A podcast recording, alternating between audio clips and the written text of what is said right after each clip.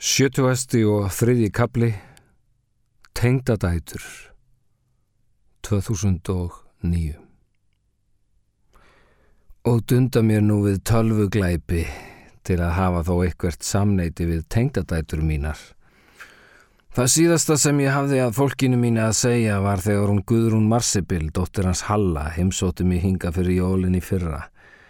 Hún skildi eftir konfektkassa sem ég á enn þótt tóm jétin sé áður en hún kvar til Ástralíu þar sem hún stundar nám í ferðamannafræðum og æfir sund. Þau gamna sér þar í sólbjörtum laugum gömul sjósóknar gen úr breyðafyrði. Ólætin við fólki mitt hófust fyrir alvöru á miðjumni tíunda áratögnum er því íllu heitli tókst að sannfæra mig um að að langt leitur lungna þembu þegi og krónískur krabbamennsjúklingur ætti að njóta aðlýningar í samfélagi sopnandi fólks. Ég var þá orðin að fullu rúmföst og langrugluð af ránglifjan, gekk frá blúsandi krönum og gemdi mjölkurfernur undir rúmi, aðkoman var vist ekki velliktandi oft og tíðum. Að lokum hótaði Halli mér lokksókn fyrir að flaska og pillugleipingum og alvara hans létt koma fyrir reikskinjara í Svefneberginu sem öskraði á mig úr lofti líkt og reyður guð í hvert sinn sem strókur stóður nös. Við getum ekki liftin að reykja í rúminu. Hann geti kviknað í húsinu. Heyrði ég hann að segja fram á gangi. Ég kefti mér strák úr næsta húsi til að aftengja skinjaran en hún var þrjóskar en anskotin.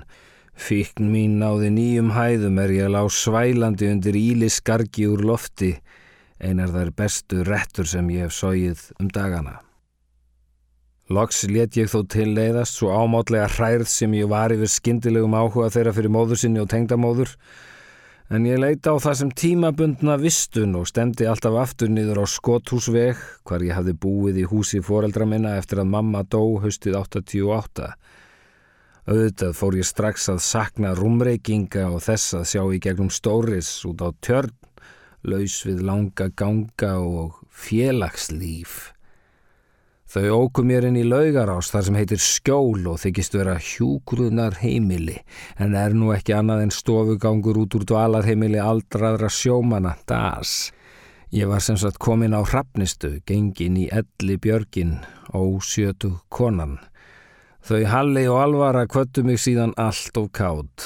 Auðvitað var þetta bara að hugsa fyrir þau en ekki mig. Nú gáttu þau hægt að hafa þessar ægil og áhyggjur á gömlu. Hún var komin í gler kaldan kervis faðminn. Til þess er víst þjóðfélagið.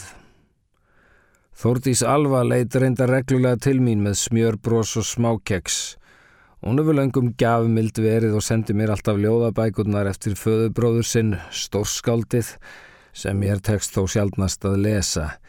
Það er í þeim öllum sama ljóðið sem fjallar um það hvað heimurinn er yfirborskendur en hann sjálfur djúpur. Ég efast reyndir ekki um að hann séða það en hann ætti þá heldur að miðla okkur að þeirri miklu dýft en reykja sér af henni blessaður. Það var síðan ekki strákunum mínum að þakka að ég komst í skjólshús eftir að hafa dölbúin flúið dvalarheimilið nokkur misserum síðar. Í heila viku mátti ég beinlinis bruna um stórgótur bæjarins á rúmunu mínu í tjöru og slappi í leitað húsnæði sem ekki fannst fyrir en góðhjörtuð gangastúlka mundi eftir sýstur sinni og bílskur hennar. Þannig komst ég í kynni við Guðjón og Dóru sem hafa reynst mér betri en börn. Í sjálfu sér er bílskúr ágætur elli bústaður, alla jafna nota Íslendingar skúra sína ekki undir bíla en þykir gott að geima þar drastl sem ekki nýtist þeim í þeirra mikla klukku hlaupi eins og vindbognar tjaldsúlur úr sér gengnar garðsláttuvelar og gamalt fólk. Ég veit um að minnstakosti þrjá slíka nútímans niðursetninga slík skúrhögg eins og ég kalla það á tillidögum á þessu okkar höfuborgarsvæði. Sem fyrr segir hafa tveir sinni mínir aldrei sérst hérinn á gólfi á þessum átta árum sem ég hef dvalið í skúrnum og sá þriði einungi staldrað tvísvar við. En sjáningar leysið er sjálfsagt einning til komið fyrir kellisakir, mínar og þeirra kvenna sem tengdadætur kallast. Strákarnir mínir náðu sér nefnilega allir í sömu konuna, sama sniðið eins og sagt var og höfðu það eins ólíkt móður sinni og hugsast gatt. Tegundin er hið ekta íslenska bissuboddi, með slettljóst hárið, djúpsett augun og heila híminn glás af taugum. Sem sagt eitt hraðtalandi þungkæla kvens sem mála sig í bílum og ansar síma í spítalaheimsóknum, stoppar aldrei, er alltaf á leiðinni þangað eða þaðan, segir hæ eins og vjelsög og reykir einungis á meðan rettan logar en er reiklaust þar fyrir utan, rétt eins og megrunin sem þar stunda miklu kappi á milli máltíða. Ég velti því stundum fyrir mér hvaðan þessi kvenn tegund kom inn í þjóðlífið því ekki mann ég eftir henni við breyðafjörð fyrir stríð eða í Reykjavík stríðskróðans. Þær kalla sig stelpur og eru það í raun, hafa aldrei komist til hvern mann, segja og skrifa, aldrei gengið í síðkjól, aldrei átt pels eða perlufesti, hlýtt á óperu, lesið lessing, setið í lest eða dansað sig undir dekk í tango mannsins örmum og þekkja því enga herramennsku og láið um hver sem vill enda landið okkar í þryggja tíma flugfæri við síði manna. Ísland er vist ekki bara herrlaust, heldur herralaust líka. Já, og dömulust þar með. Sjálf kom ég þrísvarsinnum heim eftir áradvölu ellendis og var í hverskipti kölluð himstama í slúðurdálkum dagbladana fyrir það eitt að nota munnstykki og bjóða karlmönnum í glas. Og í hverskipti tóst mér að drekka þann stimpil af mér en það leið mér alltaf betur sem one of the boys. Þegar allar konur voru farnar heim og ég satt eftir með gínóðum læknum og reiksbúandi heilsölum leiði mér best. Þá komu sögur og þá kom sprók. Það er nefnilega dundur leiðilegt að vera dama en þrælgaman að vera herra. En þessar nútíma jundur eru kvorugt og lítið eru þar skári kvestasjúkutna sem hingað berast inn í sínum skrjáfandi sportstökkum ómálaðar innan sem utan Einn kom hér inn á fjallgönguskóm heilt sumar og vildi gefa mig lísi, önnur á inniskóm. Við höfum auðvitað aldrei átt neinar hefðar frýr, aðalsmegjar eða filmstjörnur. Það væri þá helst þær Vala Tórótsen sem var auðvitað fórsetadóttir og varð okkar greis og Bryndi Skram sem er fegursta kona sem Ísland hefur alið segja og skrifa.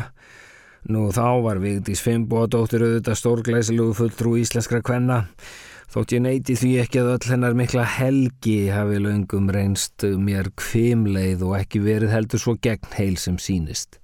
Hún var ágætur fórseti þótt vel hafi skort upp á visslugleðina hjá henni. Hún átti auðvitað að eigna sér mann, eitt hljadrægan mann sem kunnað heilsa löst og kvísla sér leið til snirtingar. Að sittja bestastæði er tveggja mannaverk, svo mikið veit ég sem svo við hef þar í fjórum herbergjum og hjá í tveimur. Nú segir fólk að Ísland eigi fagrar konur en... Það eru reynar galtómskollur þykir mér með áblástusvarir og skuðlekna brjóst.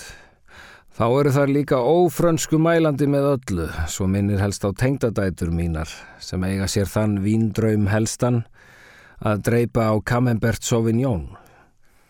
Ekki tóst mér fremur en öðrum að koma heimsmönnum upp úr þessum sveitarsverði sem ég þó reyndi með því að láta þá sitja koktelbóð og kenna þeim að panta bíl fyrir móðu sína. Þeir urðu allir óttalegir gundar strákarnir mínir og hafa því mátt liggja undir þessum gallaböksna skvettum smá stinjandi um frið fyrir öllum þeirra kröfum um hekk og hilsudínur held ég það heiti og háværum símtalsröttum inn og út úr bílum að skipuleggja sína smörosta smjattandi saumaklúpa já og öll sín miklu stelpu kvöld. Ég þekki víst allt það heimilislíf of vel en það komin á guða aldur og sjáöldrin samkvæmt því. Hann Ottur Sálu í lögfræðingurinn minn loðbrindi orðaði það svo Það er bara eitt sem heldur íslenskum hjónaböndum saman og það er hinn eðlistlæga leti íslenska karldýrsins sem lætur allt yfir sig ganga.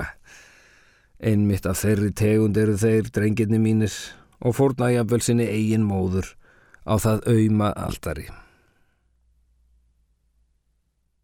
Sjötuasti og fjórði kapli Skotúsvegur 13 2009 Mín hrakhóla för hófst þegar ég ný útskrifuð úr þeirri argans elli veröld helt út í lífið á ný en stóð uppi íbúðarlaus. Þau höfðu sem sagt gert mér þann góða greiða að selja ofan að mér ættarslotið. Engin átti vonu öðru en ég yfirgefi þessa jarðist út um gluggan á skjóli og því var drifið í því að selja skotthúsvegin um leið og kella var horfin í hjúgrunar klett og ég vel reynd að fá illa liktandi og óþvegin norskan kunstmaler til að stóla þar inn á sínum fræga standlók inn í stofu foreldra minna ástsætla.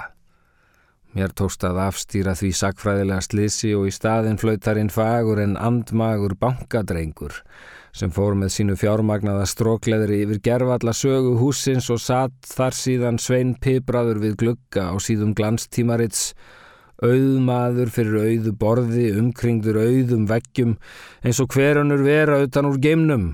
Fullkomlega grunlausum að í þeirri sömu stofu hafði eitt sinn verið skrifuð íslensk menning, lesin íslensk klukka og rætt svo mikla samanburðar rannsók sem kölluð var ból og brakfræði steins steinars. Ég þurfti að þekkja mitt eigið hús á gullregninu góða sem menn lafði þó fyrir utan klukkan og var um tíma auðdrengsins eina tekjulind því eftir því sem frettist fór kauði á fagran hausinn. Hans miklu auður reyndist sögður vera og mátti bankin vist leysa til sín slotið nýverið en heldur því þó tómu að sagt er svo markaðurinn hrinji ekki. Já, mörg eru lífsins lögmál. Sum hús verða standa tóm, svo önnur hrinji ekki. Nú býr sem sagt bankin í íbúðinni minni en ég í bílskur út í bæ og sendi ég honum mínar bestu kveðjur. Nú það voru þetta tengdadæturnar sem komu sölunni í kring. Við förum ekki að láta íbúðina standa tóma engum til gags þegar mammaðinn er hvort sem er komin á elli heimili. Þetta heyrði ég auðvitað ekki sjálf. Þetta bast mér í gegnum hitaveituna. Húsið fórað sjálfsögðu fyrir með fjö Standandi þar sem það stendur á bæjarins besta stað með Reykjavíkur tjörn og tórsara-kott í stofugluganum og já og forsetan sjálfan í kallfæri, húsið á sólægagötunni sem pappi ólst upp í, svo ekki sem minnst á bensínhjónin handan götunar með sinn mikla versala bílskur, húsnæði sem færi mér reyndar vel í dag. Hún Dóra mín þekkir mann sem vann við þá miklu völundar smíð og frætti mig allt um það sparlausa spreð. Bensínherran pantaði slíkar fínviðar hurðir á bílskúrin að rafknúin hurðaopnarinn fjekk ekki lift þeim, þær vóðu 2,5 tonn hver og hefur enginn komist inn í þann skúr eftir það. Nú, nú, nema hvað, hvar var ég nú aftur? Já, fríska vorið er rétt eins og nafni gefur til kynna ákala ressilegt fyrirbriði. Maður merki það ekki svo mikið á hennu síkráa melgresi heldur kom vorið með vindinum sem allt í hennu var hlýr með nýjar kendir og skólafrelsinu fegnar heldu við til á ströndinni heilu dagana, söpnuðum ullarlögðum á gattavískirðingum og seldum gamalli spunakonu sem... Nei, nei, nei, nei, nei, nei, nei, nú er spunagarni komið í eina rækollu höng hjá mér. Ég var að tala um söluna á skothúsveginum. Já, það er fengu fyrir hann heilar 127 eh, miljónir kvorkim eiran í minna sem þær skiptu síðan á millisín líkt og þær væru landerfur í bresku konungaleikriti. En þar sem þrýr ganga svo fallega upp í 120 ákvaðu þær af eigin muna gesku sinni að tengda hróið fengið halda því sem afgangsvarð, heilum 7 miljónum, og var þeim komið fyrir á sérstökum viðbragsreikningi ef svo gamla þyrti til Boston í uppskurð eða Kissi Björk litlu til söngs í jarðarför og af þeim reikningi trítlar leigan til hennar dóru minnar í dag.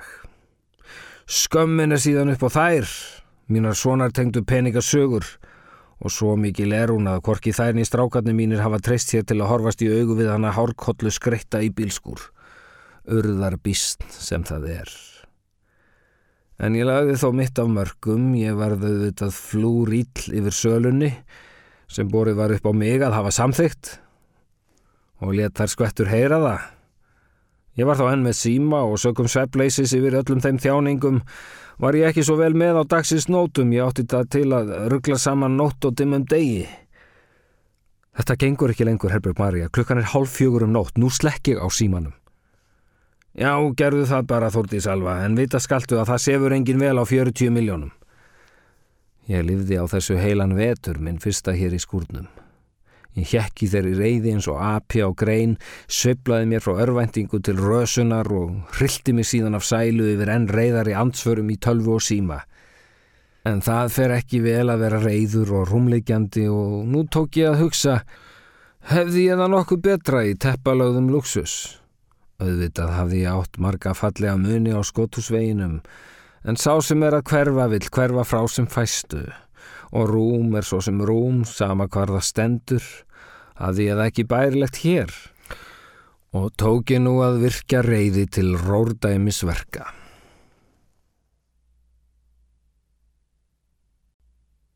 70. og 50. kapli Regnheiður 2002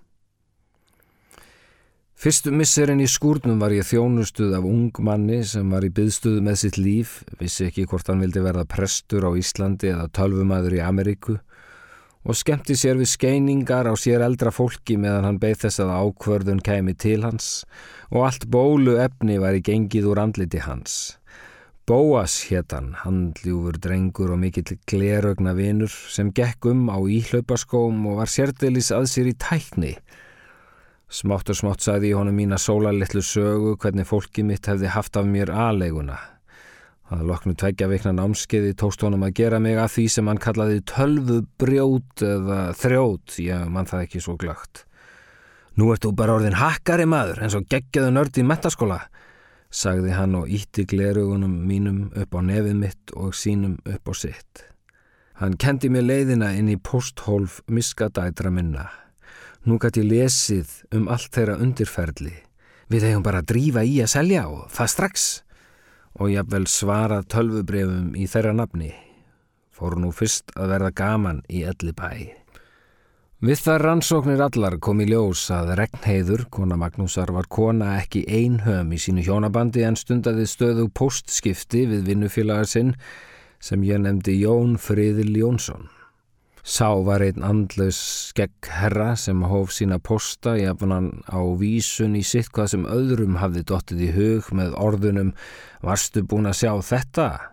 Síðan fylgdi stutt og hugmyndasnauð úttækt á ytra byrði Regnheiðar Þú varst svo sæt þegar þú komst í vinnuna í morgun, raukt ferðið svo vel. Þessu svaraði ég um hæl. Já, mér langar einmitt til að ríða þið rauðan í kvöld. Öðvitað voru það ekki mín orð. Þótt ég verði seint kölluð penpía, var slíkt orðalag ekki til í mínum stíl. Þessu sló Bóas, hinn verðandi prestur, inn fyrir skjólstæðingsinn og fullvisaði um að myndi svín virka maður. Slikt grottatal var einnig afar ólíkt regnheiði og með þessu náðu við að skapa skemmtilega spennu í þetta kynlífsföndur þeirra sem af póstum að dæma fór engum fram innan veggja vinnustæðarins í kústaskápum og á klósettum fallara. Sko, eitt er að leggja í stæði fallara en að nýðast á klósettunu þeirra, það er sko sagði Bóas og hristi hausinum leið og hann bjóð til orðsendingar sem sumar voru ofar mínum skilningi en náðu þó ætið tilætluðum áhrifum. Hann hafði unnið með fölluðum og var reyður fyrir þeirra hönd út í þessa heilbrigðu einstaklinga sem sörguðu salernis aðstöðu þeirra. Eitt sinn skrifaði hann Jóni, rétt fyrir hádegis serðingu og vittnaði þar í danska stóðsmiði Mundu bara bossi minn, trekk stöttubennið först út. Eins og títt er um svikult fólk var tengdadóttir mín ákvæmlega fáuð í stíl og greip oft til fallegra myndlíkinga og settlegrar smáfindni sem vafi skat fyrir rúðustrikuðum friðli. Þú fyrirgefur mér áðan, skautið þér skelki bringu? spurði hún í morgumposti. Aha. Kleimtu því, ég býðir í staðin upp á stektan skelk og bringu í hátteginu. Uh, til í lands, en sorry, borða ekki vaðfugla. Það var ekki leiðilegt að fylgjast með þessum samskiptum. Viltu finna mig í grænni lautu? skrifaði hún. E, er ekki svolítið kallt í dag? svaraði hann, þessu svörðu við bóas. Fátt er fagurt sem kvítadögg á grænu lingi, komdu nú vinur í lautarferð. Vá, þetta er nú bara eins og ljóðmaður, sagði prestlingur minn þá upp veðraður á saminu okkar og leiði sér að staldra við í heilar 20 mínútur í viðbót á meðan við byðum eftir svari friðils. Þú ert alveg beyond me hérna maður, hvað þýðir kvítadögg? Sæði, svaraði Bóas handfljótur. Ok, ég kem niður. Þau störfuðu saman í glansbónuðum húskletti glænýjum sem góðærið hafi verpt við ströndina og svo langt gekk þessi njósnastar sem er okkar að bóa skerði sér eitt sinn ferðfangað niður eftir og fangaði hjúin á mynd í dýragætt að drætti loknum. Ljósmyndina sendum við þeim síðan í tölvuposti úr tilbúnu netfangi. Sú aðgerð var reyndar vanhugsuð því þar með sprakk bólan og dagarni næstu urðu ansi kvestarslegir þótt magga mínum hafi sjálfsagt liðið betur í undinni sinni. Um síður tók ég þó spilligleiði mín á ný, bóas hinn slingi bjóð til netfang handa mér, biskup Íslands at tjótkirkjan.is. Frá honum fekk Ragnheiður Leifstóttir eftirfarandi post.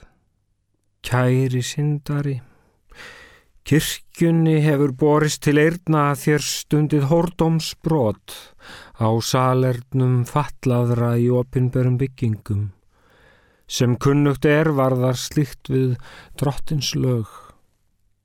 Samkvæmt reglum þjóðkirkjunar skaliður í refsingar skinni gert að sækja messu næstu fjörutíu sunnudaga í fjörutíu kirkjum. Að þeim yðrunar tíma loknum skulu þér senda oss bref í eigin skrift, þar sem þér játið brotiðar. Þau skulu jafnframt útlistuð í þaula og sé þar ekkert undan dreyið. Auga drottins er allsjáandi. Að þessum skilirðum uppfylltum munu þér hljóta fyrir gefningu og blessun biskups en ekki fyrr. Ef þér kjósið hins vegar að ólíðnast þjónum drottins, skal sáliðar hlekkjuð við akkjari himneskra reyði og stift í hraungjár satans. Reykjavík, 14. júli 2002 í drottins nafni. Biskupin yfir Íslandi, herra Karl Sigur Björnsson.